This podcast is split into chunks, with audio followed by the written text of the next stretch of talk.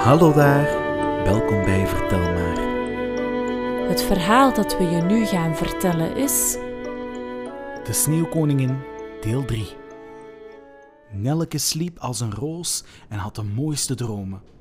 Mooier dan die van een koningin op haar trouwdag. Toen ze de volgende ochtend wakker werd, ging ze weer buiten spelen, tussen de bloemen. En dat deed ze voortaan elke dag. Na een aantal maanden wist Nelleke de naam van elke bloem.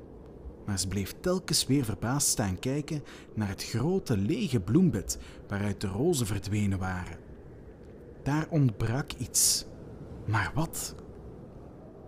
Op een dag was ze de oude strohoed van de heks aan het bekijken, die beschilderd was met talloze kleurrijke bloemen. De mooiste was zonder twijfel een roos. De oude vrouw was vergeten om die van haar hoed te halen. Nou ja, je kunt ook niet aan alles denken, Hoe is het mogelijk riep Nelleke uit. dat er niet één enkel klein rozenstruikje in de tuin staat? Ze liep zoekend en speurend tussen de bloembedden door, maar ze vond er geen een. Ze ging zitten en huilde van teleurstelling. Haar tranen vielen precies waar de rozentuin begraven was. Ze bevochtigde de grond en opeens kwam er een rozenstruik op, die even mooi bloeide als toen ze begraven werd. Nelke legde haar armen rond de rozenstruik en toen ze even later naar de rozen opkeek, herinnerde ze zich weer haar eigen rozen in de bloembakken thuis. En zo moest ze ook weer aan de kleine Jacob denken, Oh, ik heb zoveel tijd verloren. zei het kleine meisje tegen zichzelf. Ik moet Jacob vinden. Weten jullie waar ik hem kan vinden? Vroeg ze aan de rozen. Denken jullie dat hij dood is? Nee, hij is niet dood. Antwoordden de bloemen. Daar zijn we zeker van. Oh, dankjewel. Maar waar kan ik hem vinden? Vroeg ze aan alle bloemen in de tuin. Maar geen enkele bloem wist het antwoord. Ze stonden gewoon in de zon, dromend over sprookjes of over de verhalen die de aarde of de wind hun vertelde. De eerste die iets zei, was de rode lelie. Hoor je die trommel? Boem, boem. Er zijn maar twee noten. Altijd boem, boem. Kun je die vrouwen horen huilen van verdriet? Kan de vlam van het hart sterven in de vlam van het begrafenisvuur? Ik begrijp geen woord van wat je zegt. Biechtte het meisje op, Dit is ook mijn verhaal. antwoordde de rode lelie beledigd. En de trompetbloem? Aan het einde van een smal bergpaadje ligt een oude burcht. Klimop bedekt de oude rode muren ervan, blad per blad. Omhoog en rond het balkon, waar een bloedmooi meisje over de balustrade leunt en de weg aftuurt. zei de bloem. Geen roos die tussen de takken groeit, bloost mooier dan zij. Geen appelbloesem die door de wind van de boom geblazen is, is zachter dan zij. Luister naar het ruisen van haar prachtige zijden jurk. Hij is nog niet gekomen. voegde ze er triestig aan toe. Bedoel je Jacob? vroeg de kleine Nelke. En wat had de kleine sleutelbloem te zeggen? Een lange plank hangt aan een tak, vastgemaakt met twee touwen. Het is een schommel. Twee vrolijke jonge meisjes in sneeuwwitte jurken en met lange groene zijden linten in hun haar zitten erop te schommelen. Hun broer, die ouder is dan zij, staat op de schommel en houdt de touwen vast met zijn arm. Want in de ene hand houdt hij een klein kommetje en in de andere een rietje waarmee hij zeepbellen blaast. De schommel wiegt heen en weer en de schitterende zeepbellen vliegen de lucht in. De laatste bel hangt nog aan het rietje voordat hij wordt weggeblazen door de wind. De schommel blijft heen en weer wiegen. De zwarte puppy, bijna zo licht als de zeepbellen, staat op zijn achterpoten en wil ook op de schommel. Maar de schommel gaat heen en weer en de puppy valt, blaft en wordt boos. Hij is teleurgesteld wanneer de bellen uiteenspatten. Een wiegende plank, het beeld van uiteenspattende bellen, dat is mijn lied. Je verhaal is prachtig, maar nogal triest. En het zegt niets over Jacob. Wat zegt de hyacinthe? Er waren eens drie erg mooie zussen, zacht en lief. De ene droeg rode kleren, de andere blauwe en de derde witte. Ze hielden elkaars handen vast en dansten in het maanlicht bij een rustig meertje. Ze waren geen elfen, ze waren mensenkinderen. Er kwam een heerlijke zoete geur op zitten en de meisjes verdwenen in het bos, terwijl de vuurvliegjes rondvlogen als breekbare kleine lichtjes. Je maakt me zo verdrietig. zei de kleine Nelke. Je hebt zo'n sterke geur. Ik. Ding dong, ding dong. Onderbraken de klokjes van de hyacinthe haar. We luiden niet voor de kleine Jacob. We kennen hem niet eens. We zingen gewoon ons eigen lied. Het enige dat we kennen. Toen liep Nelke naar het boterbloempje, dat tussen zijn felgroene blaadjes pronkte. Jij bent als een kleine zon. Zei ze, Zeg me of je weet waar ik mijn kameraadje kan vinden. en het boterbloempje schitterde terwijl het Nelke aankeek. Welk lied zou het zingen? Maar dat lied zei ook niets over Jacob. De warme zon van de eerste lentedag scheen op een kleine binnenplaats. Haar stralen vielen op de eerste gele bloemen die aan de voet van de witte muur stonden, glanzend als goud. De oude grootmoeder zat buiten op haar stoel toen haar kleindochter, een arm maar mooi kamermeisje, langskwam voor een kort bezoek. Ze begroette haar grootmoeder met een kus. Er zat goud in die liefdevolle kus, het pure goud van haar hart. Goud op de mond, goud in het hart, goud hier in de eerste ochtenduren. Dat is mijn verhaal. zei het boterbloempje, Het gaat vast over mijn arme oude grootmoeder. zuchtte Nelke. Ze mist me zeker en ze treurt om Jacob, net als ik. Maar ik zal snel weer naar huis terugkeren en Jacob met me meebrengen. Het heeft geen zin om het aan de bloemen te vragen, want zij kennen alleen hun eigen lied. Ze trok haar jurk wat op om sneller te kunnen lopen, maar de narcis pakte haar been beet toen ze eroverheen sprong. Nelke bleef staan, keek naar de lange groene stengel en vroeg aan de bloem. Misschien weet jij iets? Ze boog voorover om haar aan te raken. Wat zei de narcis? Terwijl ze zich rond Nelke's schouder wikkelde, vertelde ze haar een vreemd verhaal. Ik kan mezelf zien. Ik kan mezelf zien. Zei de narcis.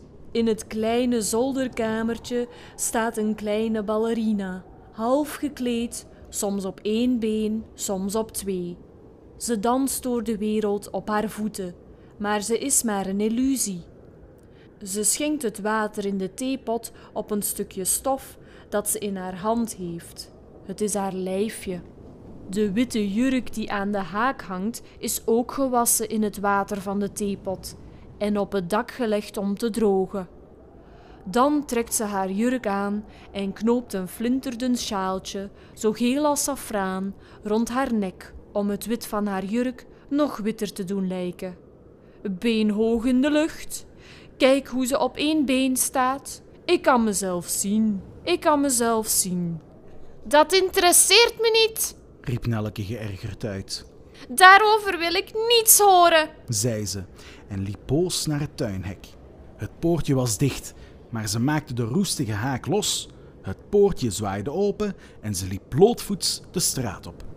Drie keer keek ze om, maar ze werd niet gevolgd. Toen ze doodmoe was en niet meer verder kon, ging ze op een grote steen zitten en keek rond. De zomer was voorbij en het was al laat in de herfst, maar daar had ze niets van gemerkt in de prachtige tuin waar de zon altijd scheen en waar de bloemen in alle seizoenen bloeiden. Oh, wat ben ik laat. Het is al herfst. Nu kan ik niet eens uitrusten. riep Nelleke en ze stond op om verder te gaan. Haar kleine voetjes waren moe en deden pijn en ze werden bevangen door koude en verdriet. De lange bladeren van de wilgen waren al geel en bedekt met een laagje rijp. Het ene na het andere blaadje viel van de boom en alleen de sleedoorn droeg nog vruchten. Maar die waren zo zuur dat je kaken er pijn van deden. Hoe grijs en triest was de wereld toch. Toen Nelke opnieuw moest stoppen om te rusten, sprong er een grote kraai voor haar in de sneeuw. Hij bleef haar daar hoofdschuddend aankijken en zei toen: Kra, kra. Goedemorgen, goedemorgen. Hij kon niet erg goed spreken, maar hij deed erg zijn best en vroeg goed kwam dat ze helemaal alleen de grote wijde wereld rondtrok. Het woord alleen verstond ze zonder problemen, want ze wist heel goed wat dat betekende. Ze vertelde haar levensverhaal aan de kraai en vroeg hem of hij Jacob had gezien.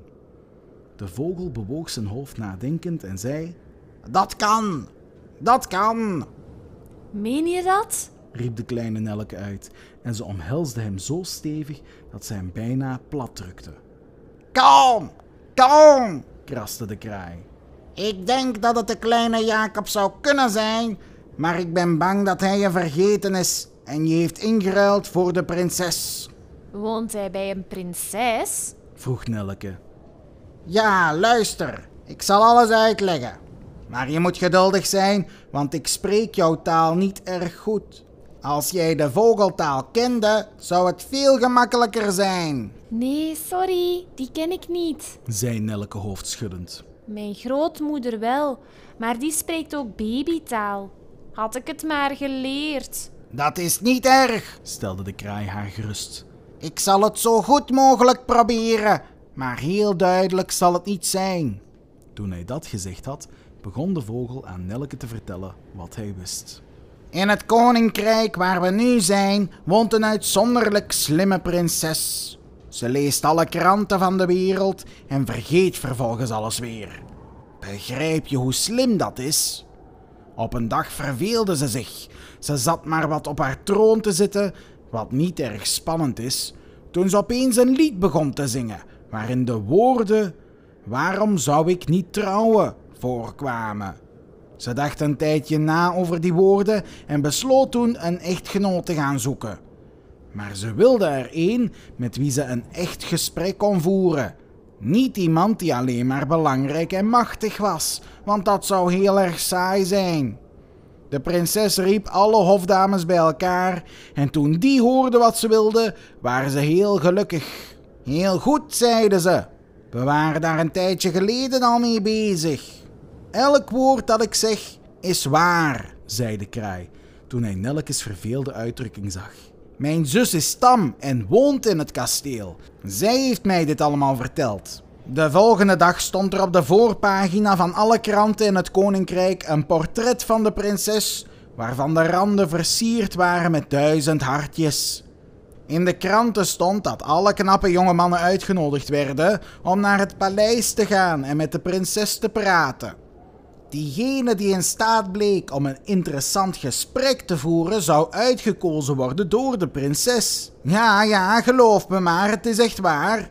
Zo waar als we hier zitten. Er kwamen hele hordes jonge mannen naar het kasteel, maar er was geen goede kandidaat bij. Niet op de eerste dag en ook niet op de tweede. Op straat of waar dan ook hadden ze het hoogste woord. Maar eenmaal in het kasteel met zijn wachters in hun zilveren uniformen en bovenaan de trap de bedienden in hun gouden kledij, raakten ze volledig van de wijs. Dus wanneer ze dan in de troonzaal stonden, waren ze niet in staat om een mond open te doen, behalve om het laatste woord van de prinses te herhalen. Maar dat interesseerde haar natuurlijk niet. Het was alsof mensen half in slaap vielen wanneer ze het paleis binnenkwamen en pas weer ontwaakten als ze op straat stonden. Er was een eindeloze rij die van de stadspoorten tot het paleis reikte. Je moet me geloven, ik heb het met mijn eigen ogen gezien, kraste de kraai. Ze hadden allemaal honger en dorst, maar niemand in het kasteel die hun zelfs maar een glas water gaf. Toegegeven, de slimste mannen hadden broodjes meegebracht, maar die deelden ze niet met anderen, in de hoop dat de honger hun gespreksvaardigheden zou aantasten. Maar Jacob, kleine Jacob, vroeg Nelke. hoe komt hij in het verhaal voor? Was hij er ook? Geef me tijd, geef me tijd. Nu komen we bij hem. Op de derde dag arriveerde er een klein ventje zonder paard of kar, dat brutaal naar het paleis toeliep. Zijn ogen glinsterden zoals de jouwe en hij had prachtig lang haar, maar zijn kleren waren niet meer dan vodden. Dat is Jacob. Riep Nelke gelukkig uit. Oh, eindelijk ben ik hem op het spoor. En ze stond op en klapte van vreugde in haar handen. Hij droeg een bundeltje op zijn rug. voegde de kraai eraan toe. Nee, dat moet zijn kleine slee geweest zijn. legde Nelke uit. Want hij verdween tijdens het sleeën. Dat kan. zei de kraai. Ik heb niet heel goed gekeken. Mijn zus vertelde dat hij, toen hij zich bij de kasteelpoort meldde en de wachters in hun zilveren uniformen zag en de bedienden in gouden, helemaal niet onder de indruk was. Hij begroette iedereen en zei: Ik heb geen zin om hier een beetje op de trappen rond te hangen. Ik ga liever naar binnen. De zalen gloeiden in het licht van de kaarsen. De raadsmannen en ministers liepen rond op fluwelen schoeisel, afgezet met gouddraad. Ik vertel je dit zodat je begrijpt dat de meeste mensen zich erg ongemakkelijk zouden voelen in zo'n situatie. De laarzen van de jongen kraakten vreselijk, maar hij voelde zich helemaal niet opgelaten. Dat moet Jacob zijn. zei Nelke. Ik weet dat hij zijn nieuwe laarzen aan had toen hij vertrok, want ik hoorde ze kraken op straat. Oh ja, ze kraakten vreselijk. bevestigde de kraai. Maar hij liep volkomen op zijn gemak naar de prinses toe, die op een parel zat zo groot als een karwiel.